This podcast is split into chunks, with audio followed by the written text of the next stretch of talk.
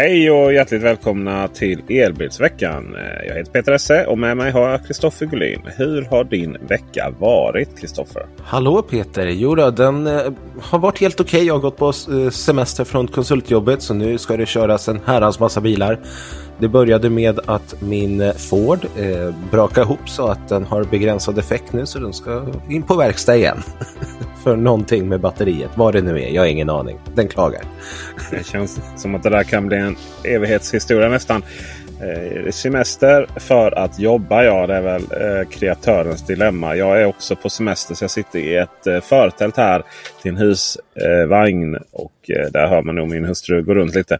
Men eh, hon är känd för att leverera kaffe in show här eh, sen förra avsnittet. Så det är väl okej. Okay. Men det är därför det låter lite annorlunda idag. Innan vi går igenom innehållet så ska vi tacka veckans sponsor och det är Greenly. Så sälj Johan, rulla bandet! Veckans episod av Elbilsveckan presenteras av Greenly. Tre riktigt bra saker med Greenly. Det är bra för din plånbok, du får en monetär ersättning. Det är bra för miljön, vi undviker peak hours och slipper sätta igång Karlshamns oljekraftverk. Men det är också bra för samhället. Tillsammans kan vi balansera elnätet och ta tillvara på de resurser som redan finns. Kom igång med Greenly redan idag. Besök oss på greenly.com. Tack så mycket från oss från Greenly och nu fortsätter ett fantastiskt avsnitt av Elbilsveckan. Jewelry isn't a gift you give just once. It's a way to remind your loved one of a beautiful moment every time they see it. Blue Nile can help you find the gift that says how you feel and says it beautifully with expert guidance and a wide assortment of jewelry of the highest quality at the best price. Go to BlueNile.com and experience the convenience of shopping Blue Nile, the original online jeweler since 1999. That's BlueNile.com to find the perfect jewelry gift for any occasion. BlueNile.com. Hiring for your small business? If you're not looking for professionals on LinkedIn, you're looking in the wrong place. That's like looking for your car keys in a fish tank. LinkedIn helps you hire professionals you can't find anywhere else, even those who aren't actively searching for a new job but might be open to the perfect role. In a given month, over 70% of LinkedIn users don't even visit other leading job sites. So start looking in the right place. With LinkedIn, you can hire professionals like a professional. Post your free job on linkedin.com slash people today. Hey, I'm Ryan Reynolds. Recently, I asked Mint Mobile's legal team if big wireless companies are allowed to raise prices due to inflation. They said yes. And then when I asked if raising prices technically violates those onerous two-year contracts, they said, what the f*** are you talking about, you insane Hollywood ass?" So to recap, we're cutting the price of Mint Unlimited from $30 a month to just $15 a month. Give it a try at mintmobile.com slash switch. $45 up front for three months plus taxes and fees. Promoting for new customers for limited time. Unlimited more than 40 gigabytes per month. Slows. Full terms at mintmobile.com. I vilket fall som helst så ska vi då prata om Seeker. Eller nu hur det uttalas. Volvos systerbolag lanserar sig i Sverige. Och vi ska ta reda på varför bilar piper så mycket och hur det bara kommer att bli värre. Dessutom har Kristoffer provkört BMW i4 och är lite kär. Men först så har norrmännen fortsatt att mata ut resultat från deras tester med typ alla elbilar som finns. Ja, kanske inte alla elbilar, men 32 stycken av dem i alla fall. Det är ju igen Motor.no som, eh, och NEF ska vi säga, som har gjort jättetester med sina 32 elbilar. Vi har ju pratat om eh, räckviddstesterna som de har gjort tidigare och nu är det laddning som är på tapeten målet var att man skulle ladda 20 mil på så kort tid som möjligt. Och eh, den som kom först, som laddar 20 mil snabbast då, då det är Xpeng G9 som gjorde det på 8,4 minuter. Och eh, Xpeng G9 den har ju både du och jag kollat in Peter, det är den här stora kinesiska femsitsiga SUVen den har ju ett 800 volt system, kan ladda upp till 300 kilowatt och den verkar också leverera en del. Eh, 20 mil på mindre än 10 minuter, det får man väl ändå anse som respektabelt. Det får man väl göra. Det som är grejen med Geni är att den kan uppbåda 300 kilowatt i typ 13 sekunder. Men det gör ju inget för att så länge eh, den sen då går ner till 295 kilowatt. Eh, alltså fattar det liksom. Det, det ska till mycket innan den börjar hasa efter sig. Även om det då är toppen där på 300. Så ju högre toppeffekt ju högre generell laddningshastighet. därmed med kortare tider har man ju. Eh, någonstans är ju frågan. När är det här inte ett problem längre? Jag vet inte. När en kvart laddning tycker jag är perfekt. Okej. Okay. Och sen behöver man inte komma så himla långt på det. Men så här, en kvarts laddning, ah, två och en halv timme. Sen är, sen är det klart. Liksom. Ja, men det är absolut en tid jag kan köpa på. Eh, det är ingenting som jag brukar uppleva när jag åker i min Mustang, om jag säger så. Nej. Den, den är lite törstigare. Den laddar inte heller som eh, din E-tron, som också är törstig. Eh, Just det, precis. Det, det, man kan inte ha både törstig och långsam laddning. Man, man, man får bara välja någonting där om man ska vara en glad elbilskund. Det är väl kontentan. Ja, precis. Tvåa, där hade vi Tesla Model S på 8,5 minut. Tredje plats kom Hyundai Ioniq 6 på 9,4 minuter. Och det var de enda bilarna som faktiskt klarade sig under 10 minuter i det här testet. Men eh, kollar vi längst ner på listan så blir det ju lite mer intressant för där är det tydligt att kineserna normalt sett, med undantag från Xpeng får man väl säga, de jobbar inte med det här med laddning. De åtta långsammaste bilarna det är från eh, kinesiska bilar och det är bilar som BYD Han, MG5, Nio EL7, eh, Voyaf Free, vad det nu är nästan till, eh, Hongqi EHS 9 och längst ner på listan har vi Jack E JS4 som tog 32,2 minuter på sig att ladda 20 mil. Det är ändå ganska stor skillnad här. Och det här är ändå inte vinter så att säga. Nej, nej, nej, absolut inte. Det, det jag tycker det är lite så här, om jag köper byd MG. Eh, jag vet inte varför någon skulle köpa Han, Hankui eller vad den uttalas. Men Nio här förväntar jag mig mer. Jag förväntar mig att Nio med det priset ska ligga uppe på Xpeng. De vill ju att du ska byta batterier och jag tycker det är så konstigt att de helt ignorerar laddning. Jo, det är möjligt att de vill att det ska byta batterier. Men det, du har inte infrastrukturen där och, och, faktum är att du aldrig kommer få infrastrukturen fullt ut så som laddningarna är. För det är liksom inte riktigt så. Jag vet inte. Det, det spelar ingen roll vad de vill. Det är ju lite vad vi vill som är det intressanta. Din favorit Audi Q8 var ju med på det här testet och den laddar ju som en beast som du brukar säga. Vet du vilken ja. plats den hamnade på? Eh, jag plats, exakt plats och tid. Jag har ingen aning om men den ligger väl någonstans där i, om vi tar mitten och sen går vi några snäpp över bara. Ja, det är några snäpp neråt faktiskt. 18 plats hamnar den på på 17,1 minuter. Så där, ja. De skulle aldrig, de skulle aldrig utökat batteriet. Det gick mycket snabbare förut när det var mindre. så att säga. Den ligger efter Nissan Aria som kom på 16,4 eh, minuter. Och det är ju en bil som vi har klagat ganska mycket på att den laddar långsamt. Så är det ju. Samtidigt är det ju dubbelt så stort batteri. Så är det, så är det. Och här mäter man ju inte procent utan man har ju mätt faktiska 20 mil här. Liksom. Så ja. En kul laddtest och jag eh, länkar hela listan i show notes här till alltomelbil.se som har en eh, lättläst och trevlig lista. Så att eh, är man intresserad kan man kolla hela listan där. Vi fortsätter prata lite om laddning tycker jag. Det händer ju grejer här i USA på ett, jag vet inte, alarmerande snabbt sätt. Nämligen att helt plötsligt så har massa biltillverkare fått för sig att det är Teslas lilla kontakt som gäller. Ja, det är ju, Tesla har ju en egen laddkontakt i USA som de kallar för NACS, North American Charging Standard. Som inte alls har varit en standard utan det har varit en standard enbart för Tesla under alla dessa år det var faktiskt så sent som november förra året som de öppnade upp den här standarden för fler bilar. Den här kontakten sitter ju på alla deras superchargers i USA, alla deras bilar i USA. Eh, det är en väletablerad kontakt för just Tesla. Men nu har de öppnat upp och då vart flera märken direkt intresserade av att använda den. Vi har GM som kom ut och sa att de ville, eller skulle implementera den här. Rivian har gått ut och sen har även Volvo, Ford, Eh, och nu senast Polestar har också gått ut och sagt att de ska gå över till Teslas eh, laddkontakt istället för eh, CCS typ 1 som de använder där. Tror inte de hade någon, eh, något val där efter att Volvo bestämde sig va?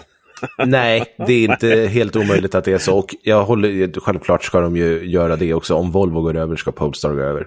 För i USA så är ju normalt sett eh, CCS typ 1, eller CCS 1 brukar man säga det, eh, den standard som finns. Och eh, den är lite lik vår egen CCS med skillnaden att eh, den är kontakten för typ 1 versus typ 2 ser lite annorlunda ut. Och den är eh, faktiskt sämre också, man behöver liksom klicka fast den på ett annat vis. Och det fungerar ganska dåligt. Därför är Teslas NAX-kontakt här då, eh, så mycket bättre. Och jag har lagt in en bild här i show notes. Det är svårt att visa i radio. Så här. Ja, visst, den är så. Tack för den, Kristoffer. Det är jag ser i alla fall. jätteskillnad på storlek. Alltså, jag skulle säga att eh, Teslas NAX-kontakt, den är ju hälften så stor som våran typ 2-kabel. Och då är den här kontakten både för superchargers, alltså DC-laddning och AC-laddning, vilket gör att det blir väldigt enkelt. Du har ju bara ett litet uttag på bilen istället för en stor klump som CCS-kontakten är. Och jag tycker ju personligen att det hade varit supertrevligt om hela världen gick över till en och samma standard istället för att vi håller på med det här tjafset som vi har hållit på med mobiltelefoner och datorer och gud vet allt nu där vi har olika kontakter för att kunna ladda våra bilar. Ska jag åka över till USA med min bil, då gäller det att jag har adapter med mig, för annars kommer inte jag komma... Eh, jag kan, kanske kommer från båten, men sen kommer jag inte så mycket längre, för att jag kan inte ladda någonstans för att min bil har fel kontakt. Och vice versa om man har bil från USA. Det här är ju lite löjligt kan jag tycka, att vi ska ha olika standarder över hela världen. så här. Det är ett jättestort problem att det är olika i, i USA och Europa egentligen. Eh, men det är ju ett, ett, problem för vissa. För det går ju att liksom, eh, exportera och importera bilar och så vidare. Men Eh, jag tror ju att det här kommer inte på något sätt vara så att Tesla vinner den här. Utan eh, i och med Dieselgate så hade ju Volkswagen då visst eh, man lovade då fick lova väldigt mycket för att klara sig undan amerikanska myndigheter. Och bland annat så lovade man då att man skulle bygga ett rejält CCS-baserat laddnätverk runt om i, i, USA. Och det har man ju påbörjat och gjort. och många sådana här. Det finns mycket pengar investerade i, i det andra nätverket. Så det skulle inte förvåna mig om det här kommer vara en grej i USA. Att man har olika på olika bilar. Jättejobbigt kommer det vara för dem. USA har ju lyft frågan nu vilken kontakt som ska vara standard. Om det ska vara CCS eller NAX. Och eh, som du säger, Volkswagen har ju pumpat in massor med pengar för sin North American Charging, vad, nu, eller vad de nu kallar den. Men den har ju ganska dåligt rykte där. Till skillnad från vad Tesla har det betyder ju också väldigt mycket för mig som kund.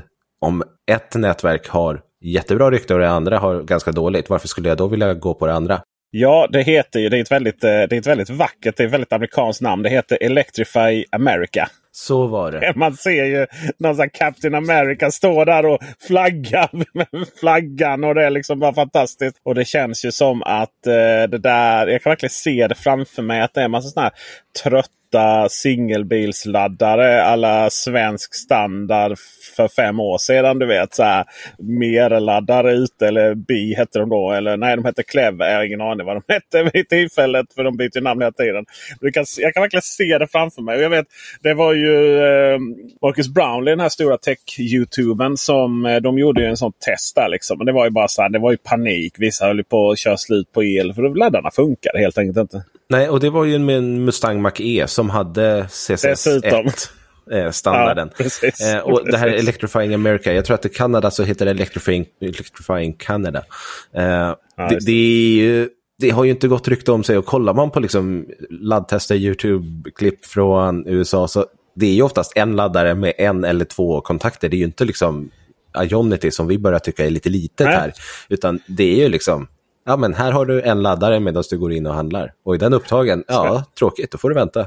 Samtidigt som vi har Tesla som bygger 20 superchargers på en plats. Alltså, jag, jag förstår inte hur CCS1 ska överleva där. Nej. Det finns ju ett problem. Jag hade, ju, jag, alltså, jag hade varit väldigt mycket för att vi också skulle gå över till den här typen av kontakt. Om det inte hade varit för det här lilla kruxet att den inte har stöd för trefasladdning. Nej men det där är ju också lite roligt för att det, det jag är blir... inte konstigt den är liten liksom. Nej, precis. Och, och, då tappar den ju, alltså i USA är man ju vana vid enfasladdning. Men i Sverige så är vi ju inte det. Vi, vi, alltså enfasladdning, det ryggar vi tillbaka för. Så att det, då tappar du ju hela konceptet. Eh, men jag tycker att det är en jättesmart lösning med att liksom använda samma typ av kontakt både för AC och för DC-laddning. Eh, och att den är liten, den är mycket behändigare att ha att göra med. Men jag tror som sagt att den kommer inte bli någonting eh, för Europa. Ja, det är ju mycket, mycket intressant. De har, ju, de har ju, amerikanerna har ju 110 volt enfas. Alltså inse hur, hur hög, alltså hur mycket ström de måste använda. Hur hög ampere de måste använda för att det överhuvudtaget ska hända någonting. Måste vara så himla ineffektivt. Ja. Vid hemladdning då så att säga. Ja men precis. precis. Många bilar, eh, det här gäller ju även Kina, många bilar, eh, elbilar då, då, har ju stöd för enfas 32 ampere. Och det är ju just för amerikanska marknaden. asiatiska marknaden. I, i liksom Europa så jobbar vi ju mer med trefas. Många kinesiska bilar som kommer till Europa har ju fått göra om liksom ladd, laddningen för att de har bara enfas 32 ampere som från början. Det ska sägas att om vi har då enfas 230 volt och 32 ampere. Då landar vi eh, på en eh, laddhastighet på 7,4 kilowatt. Men det är ju om vi har möjlighet att eh, pumpa ut 32 ampere. Ska ju sägas.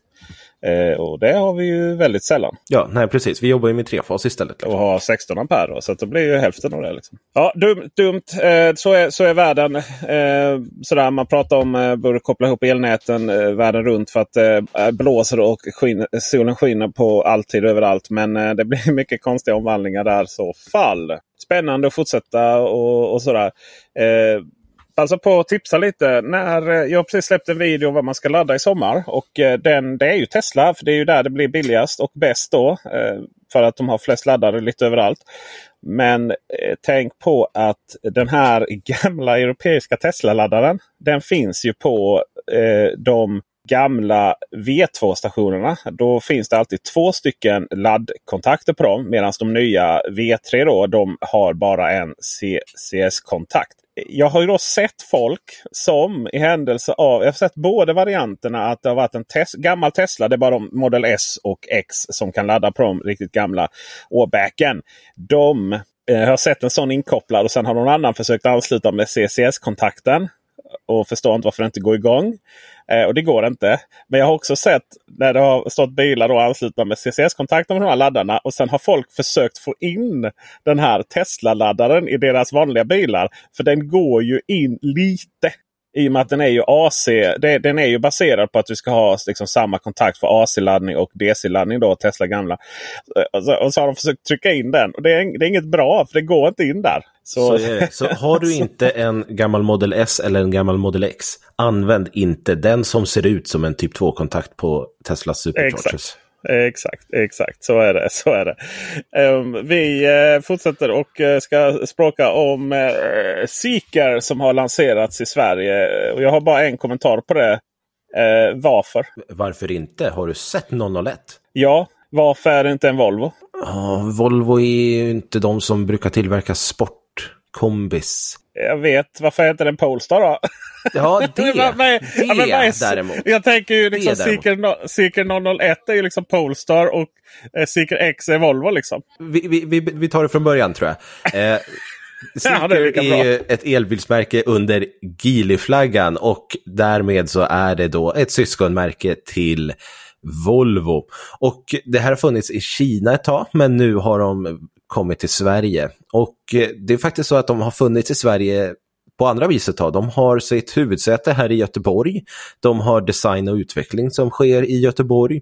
Och eh, nu så har Seeker 001 och Seeker X kommit hit. Vi har Seeker 001 som är en sportkombi som sagt som funnits ett tag i Kina men nu lanserar de en faceliftad version här i Sverige. Och den börjar på 677 000 med en VLTP på 620 kilometer och bakhjulsdrift. Batteriet ligger på 100 kWh och max DC-laddning ska vara 200 kW.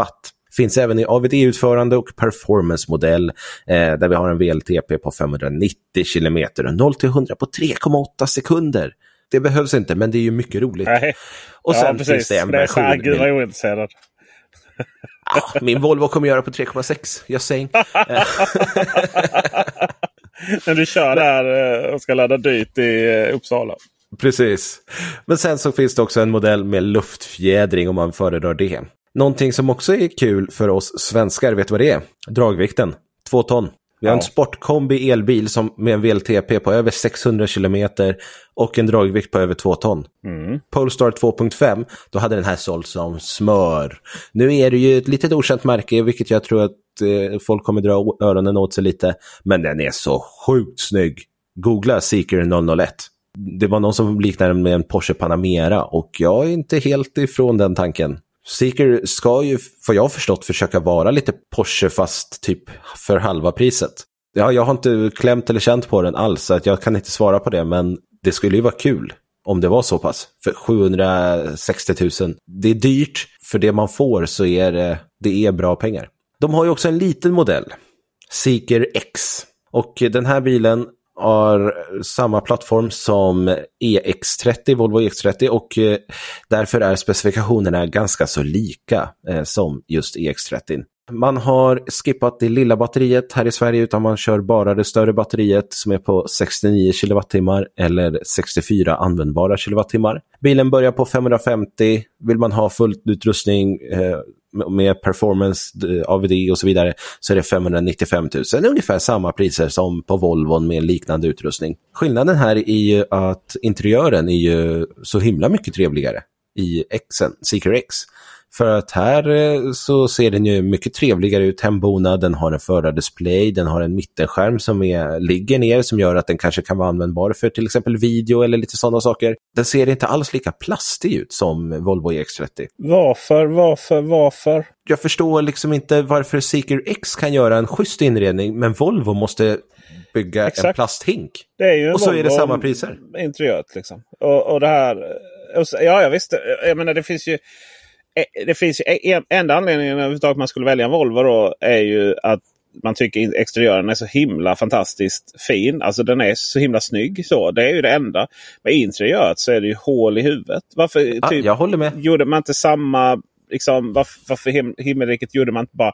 Då hade kunnat ta exakt samma interiör. Liksom. Det hade inte gjort något om, om det var samma bil. Alltså kan jag, kan jag få Volvo EX30 exteriör med Seeker X interiör? Ja. Då är jag glad. Då skulle jag vara yes. jätteglad. Men det får jag inte, för jag tycker Seeker X är en ganska ful bil faktiskt.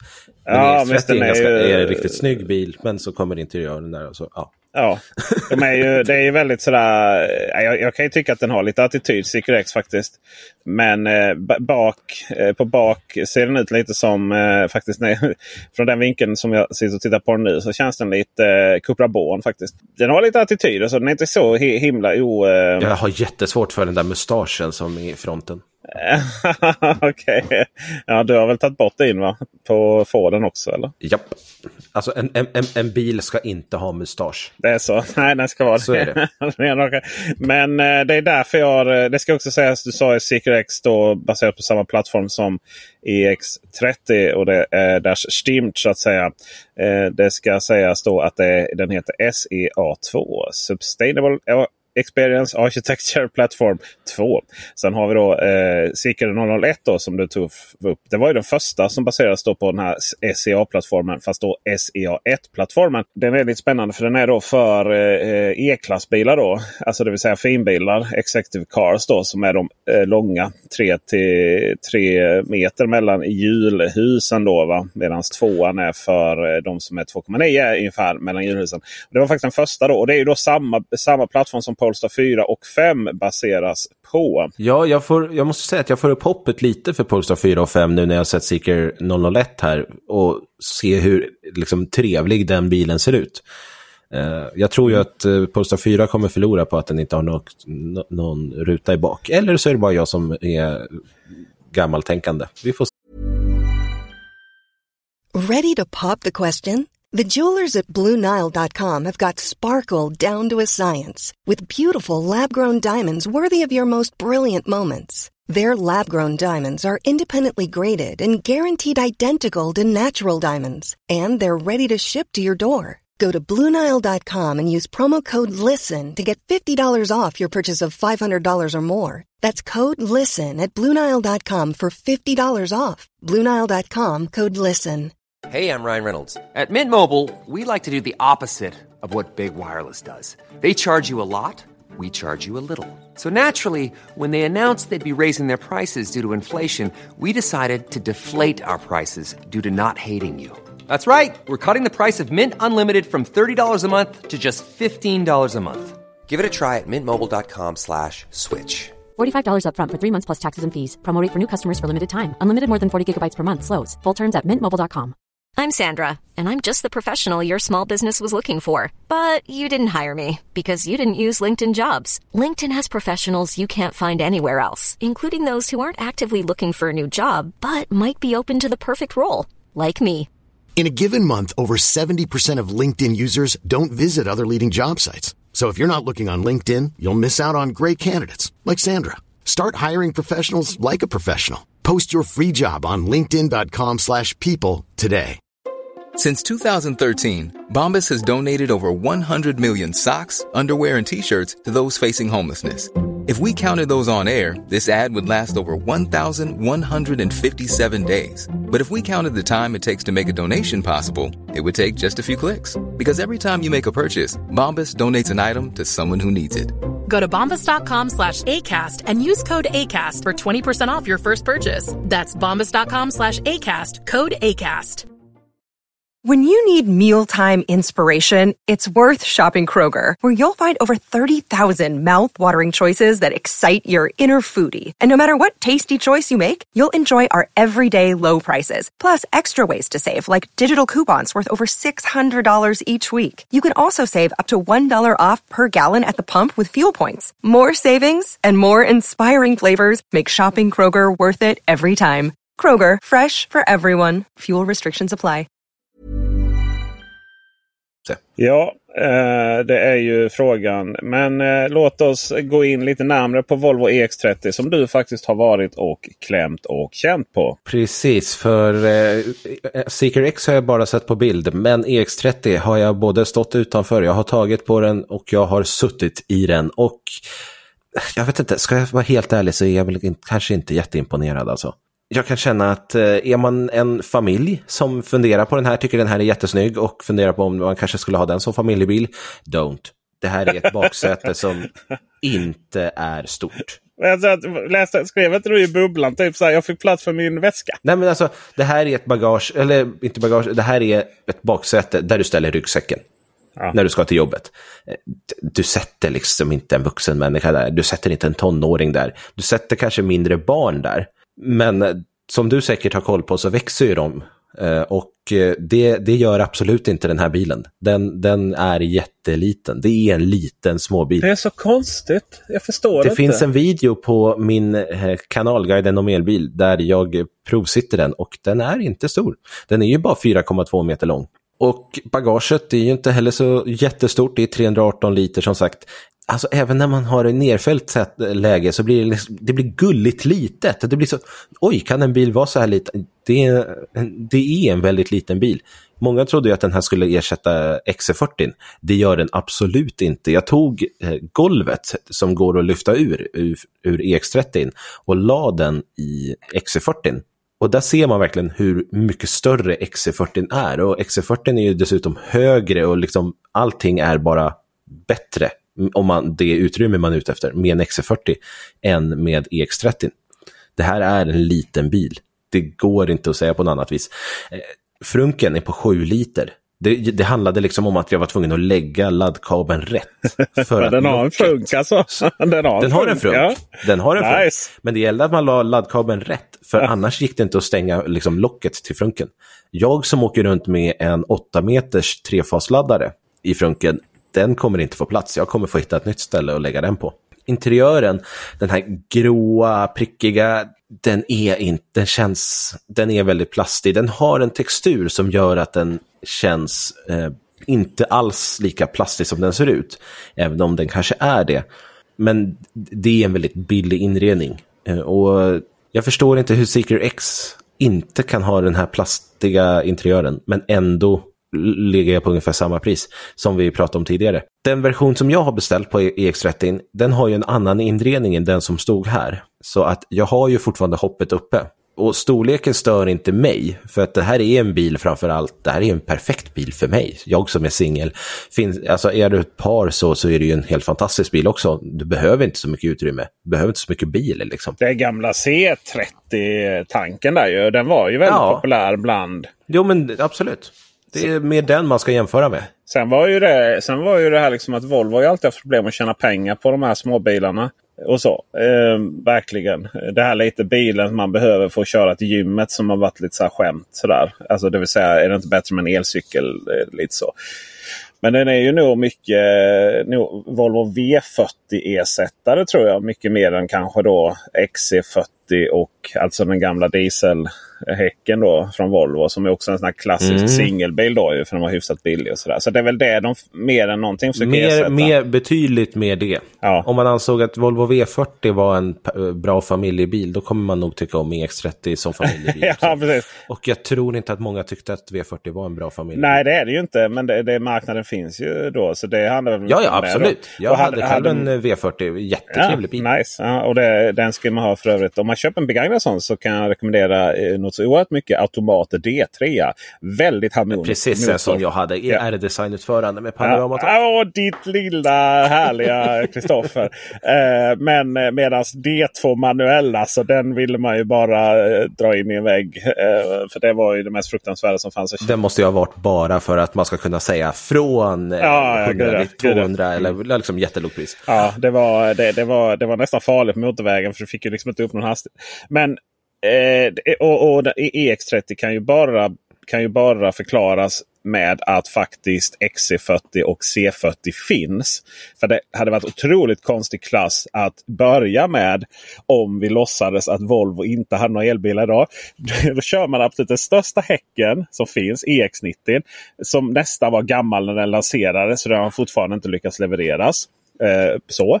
Och sen så tar man liksom raka motsatsen, absolut minsta som du inte får plats med alls.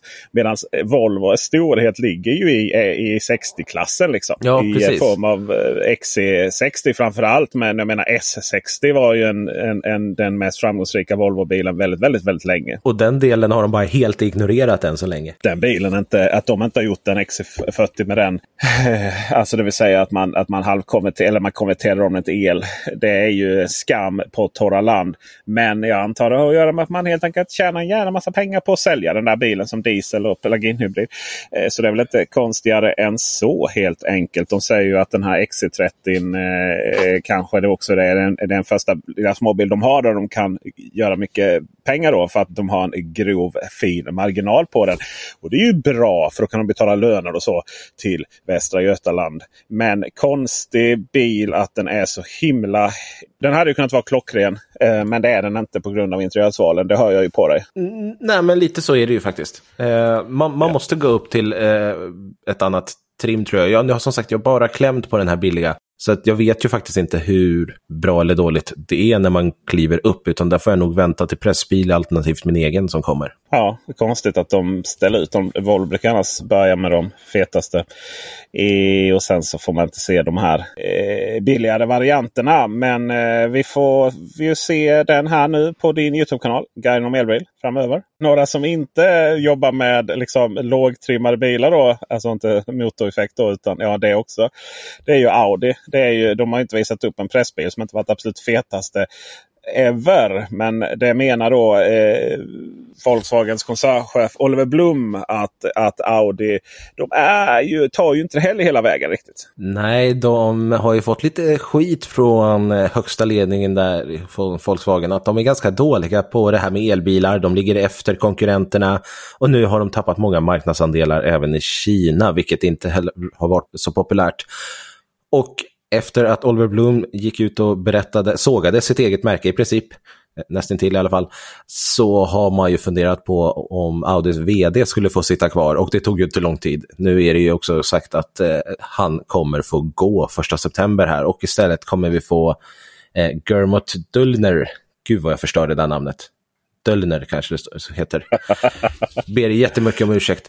Han är i alla fall en person som kommer från Volkswagen-koncernen sedan tidigare, till skillnad från Audis nuvarande vd som har varit både på Mercedes och BMW. Han kanske var en eh, sån här inte Steve Ballmer, men du vet när de eh, eh Mike, eh, Nokia tog vd från Microsoft och körde det i botten bara för att Microsoft skulle kunna köpa upp dem.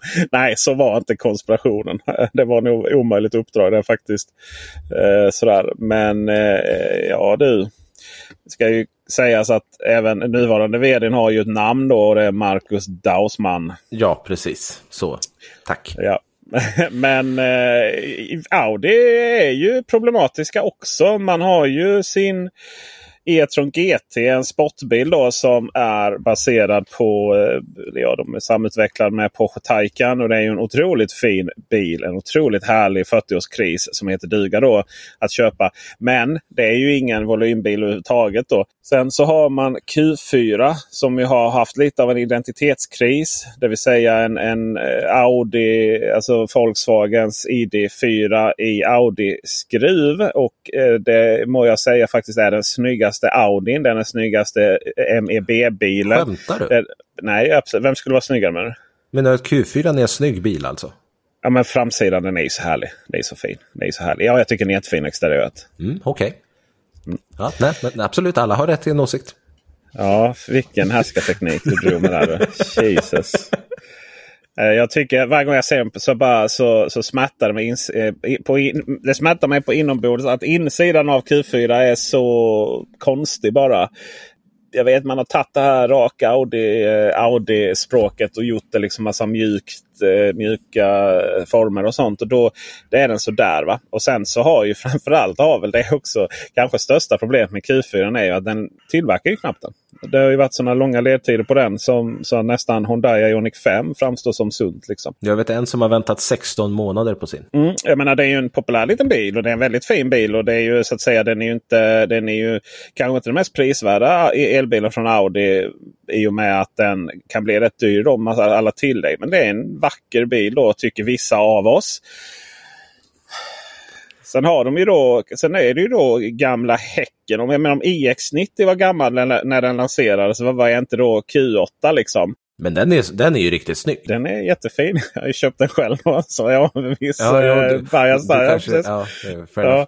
Ska köra den nästa vecka. Ja, grattis, grattis. Och uh, den, är ju, den, den, är ju, den är ju ett monster. Den är ett unikum. Det går liksom. Det är en sån här bil som det går att kritisera den för så himla mycket. Det var ju en av de första bilarna som hade rätt hög förbrukning. Men det får man ju säga att jämför man med, jämför man med andra stora bilar som har kommit så, så är det ju inte så himla farligt. Det är snarare tvärtom. Det är, den, den har ju fortfarande den här laddningen på, eh, som är på pappret ganska långsam. Numera 150 kilowatt. Då. Eh, och så höjde man den artificiellt, eller man ska kalla det, på Q8 E-tron 55 då, så att den går upp i 170 eller 175. Men det roliga är ju att det är exakt samma eh, genomsnittstid på de där. Så de har ju bara, de har ju bara ändrat kurvan liksom. Och sen, alltså ökat den lite i början och sänkt den lite i slutet. då. Så det, det var ju bara marknadsavdelningen som ville ha någonting nytt där. Liksom. Eh, och sen så, eh, men, men, samtidigt så är det, alltså den laddar ju så himla snabbt. då. Eh, och jag ska kommentera det att du har mycket riktigt rätt då att man räknar inte procent när man laddar det där testet där från Norge. Men man räknar ju distans då. Eh, och eh, jämfört med till exempel Nissan Aria som vi tog upp då så har ju Q8 drar ju dubbelt så mycket. Den är ju dubbelt så tung också säkert. Liksom. Så att, Eh, det är ju, eller ja, dubbelt. Men du fattar. Liksom. Det är en stor bil, en härlig bil. Man skäms inte för, för sig. Den är i praktiken bättre än vad specifikationerna säger. Och den är gudomligt att köra. Men det räcker ju inte uppenbarligen. För att Audi skulle haft sin Q6 ute. Audi skulle haft sin A6 ute. Och då hade det varit ett sånt dominerande märke. För de två bilarna är ju de första riktiga Audi elbilar på egen elbilsplattform. Visserligen samarbete med, ihop med Porsche. Men ändå. Och eh, man har inte lyckats få ut dem. Och det har då kostat i ledarskapet. Både i Audis då, eh, högsta skick men också kanske framförallt i deras utvecklingsbolag. Det gemensamma utvecklingsbolaget som Volkswagen Group har. Och där har ju då även, eh, och det är ju, det är ju den mjukvaran som är för, så försenad som man inte kunnat få ut de här bilarna i tid riktigt. Eh, där har det också kostat på i ledarskapet. Ju. Det har det verkligen. Det är som sagt eh, spännande att se vad en ny vd kan göra. Vi lär inte se något närmsta tiden, men eh, 2024 2025 i alla fall får vi se vad Audi har att leverera. Det är lätt att komma in som vd nu på Audi kan jag säga. För nu eh, det är nu det kommer nyheterna som den personen överhuvudtaget inte har fått kämpa för. Oh, det är så, så, det är så, det. är, så är det. Jag verkligen. Vi ska prata om D-Dov. Vi ska prata om ISA och Elks. Nu fattar jag ingenting. Precis. Jag kan säga att ISA är värst då. Elks låter som en älg. ELK på engelska.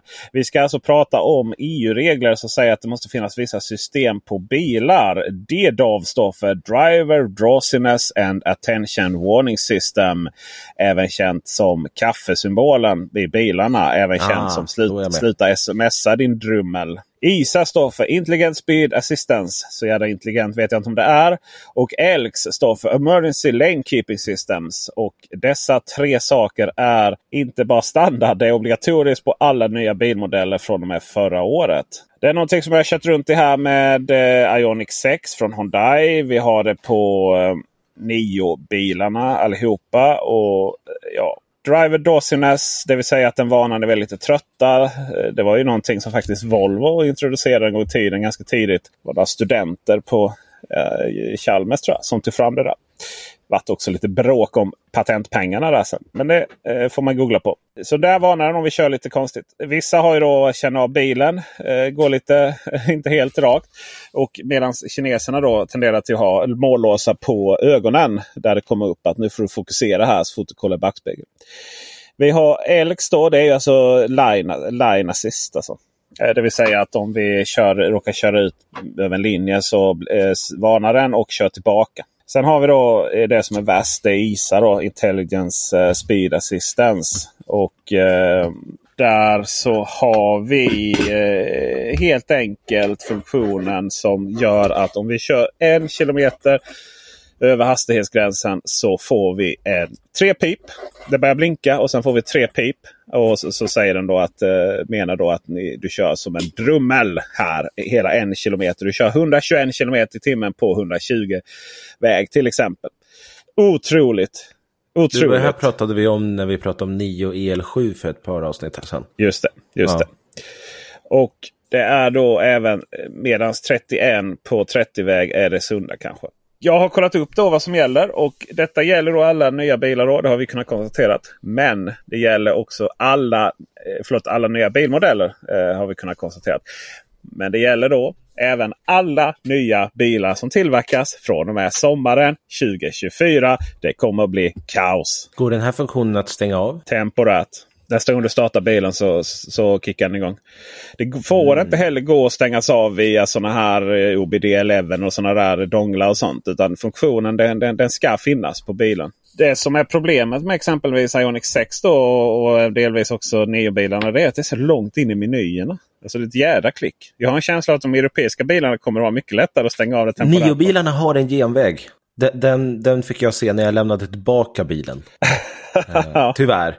Men det finns en snabb väg där. Ja, men det är ju så bilarna, bilarna, bilarna kan... eh, Jag är i grunden rätt positiv till att de varnar om man kör för snabbt på 30 och 40 och till och med 50 väg. Men Eh, de har ju en tendens till att inte själva veta vad det är för hastighet egentligen. Eh, eh, den här Ioniq 6 den har ju inte skyltavläsning så som till exempel Volkswagen-bilarna har utan den går via GPS-datan. Men även där kan den blinka, blippa till och så är det helt plötsligt 70 på 110 vägen längre tid. Och så, där, och så börjar det pipa. Då. I Stockholm är det ju jätteproblem med att du har tunnlar och som olika så att den vet liksom inte riktigt vilken nivå vi därmed vilken hastighet den är på. och så där. Eh, När det här kommer ut på alla bilar framöver så kommer liksom när, när gemene man och kvinna sitter i de här bilarna och det piper och de vet inte varför. och så där. Nej, Det kommer bli jobbigt för folk. Men samtidigt så eh, har jag väl en känsla av att eh, det kommer också skapa att GPSerna fungerar bättre, att skyltavläsning. Det måste komma till mer gemensamma europeiska standard för det. Det kommer att tvinga både myndigheter och politiker och bolag att samverka runt detta. Eh, så, så att det kan, det kan sluta bra men, men framöver så kommer folk vara helt trötta och irriterade på det. För alltså ett problem som jag upplever det är ju att bilarna piper och istället för att man tittar på vägen så oj, det piper, jag behöver titta på någonting annat. Och så Ja. tittar man ju på förardisplayen som inte visar vad problemet är. Ja, men precis. Leta efter ett problem, vad var problemet? Och det tappar ju i alla fall min fokus. Det gör det. Det, gör det ju. Och det är mycket Det är dåligt implementerat i väldigt många bilar. Ja, och det bästa, bästa av allt är väl liksom när de där eh, motverkar varandra. Till exempel då att lane assist. Den fungerar ju alltid dåligt på mindre vägar. För att du kan inte köra så långt ut i mitten som den vill om du ska möta en bil. då. Mm. Den är ju ganska så aggressiv den här lane assist. Då, just för att du ska, liksom, du ska inte vara halvt i diket när den aktiveras. Men då gör det att den tar tag i ratten och kör in igen. Och i och med att du då börjar köra så vingligt helt plötsligt. Då börjar den här kaffesymbolen visa. Så liksom, de, de, två, de två systemen motverkar varandra kan man säga. Så att eh, långt till självkörande bilar det är väl min känsla. Ja, vi får se vad de här nya reglerna gör. Det här är någonting som jag har klagat på i recensioner men det får man kanske lägga av med helt enkelt och bara konstatera att så här är det.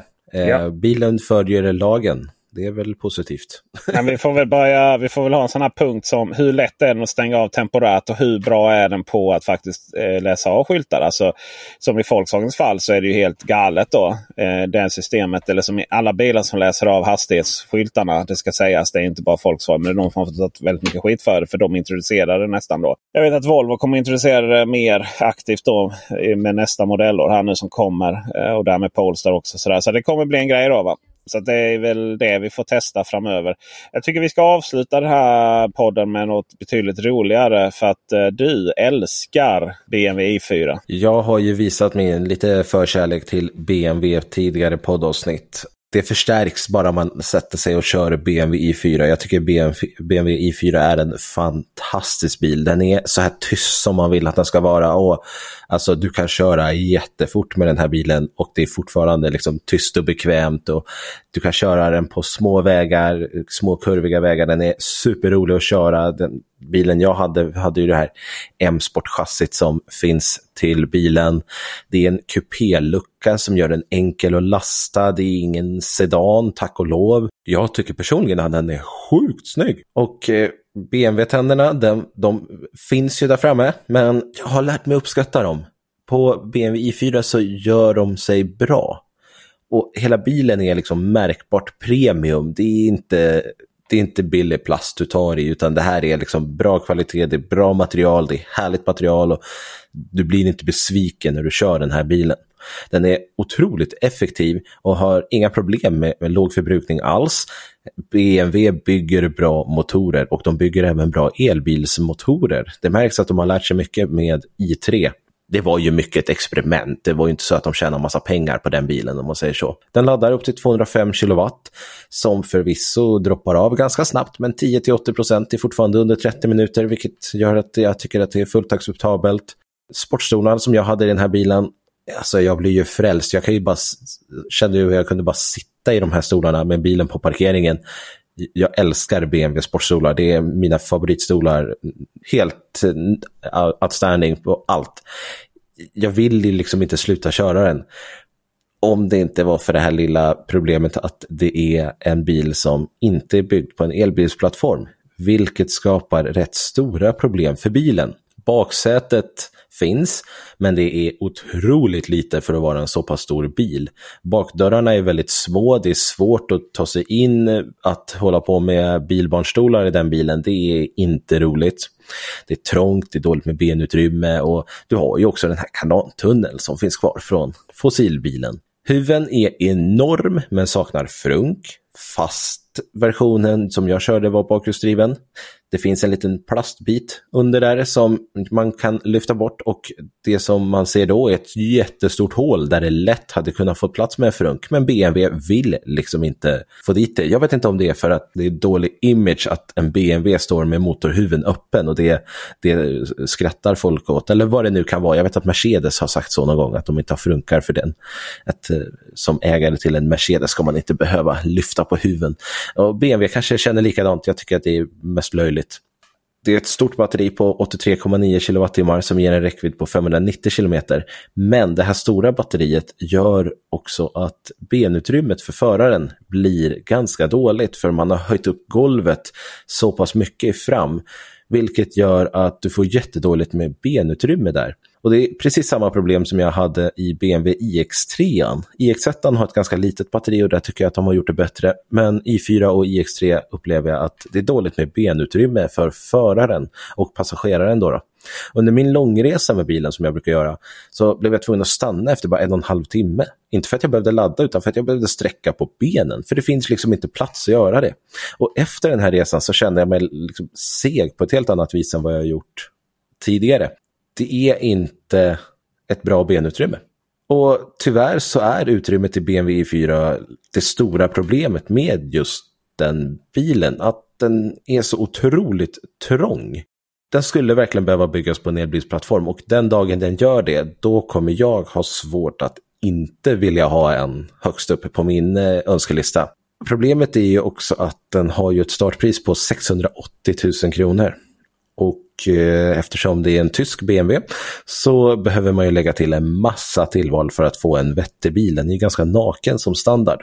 Och då blir ju frågan, vill jag köpa en BMW i4 grundpris 680 000 eller vill jag köpa en Tesla Model 3 Performance, spara 50 000, kanske hyra en bana och köra lite barnkörning för de 50 000 och ha superkul. Eller som sagt, ska jag köpa en grund, eh, grund e, eh, BMW i4. Det ska dock sägas att du får ju så otroligt mycket mer för de här BMW i4-pengarna. Eh, och eh, jag tror att de flesta som har köpt en BMW i4 är jättenöjda med bilen. Det kommer man garanterat vara.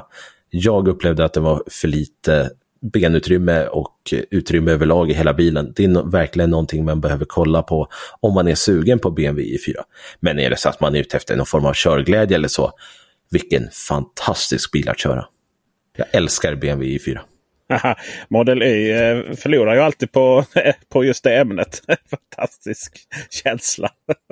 Det är så här, du kan ju alltid ta Model Y i alla ekvationer men den förlorar ju alltid på allting förutom att den är billig. Ja, den är ju ganska eh, stor last och allt möjligt last. sånt också. Mm. Men alltså BMW 4, det, det, är en fantastisk bil. 1600 kilo får den dra. Det, det, är absolut. Och vill du smacka på med AVD M50, du kan liksom betala 1,1 miljoner för den här bilen om du vill. Och då har du en så sjukt nice bil. Om den hade varit byggd på en elbilsplattform. Som ger lite mer utrymme.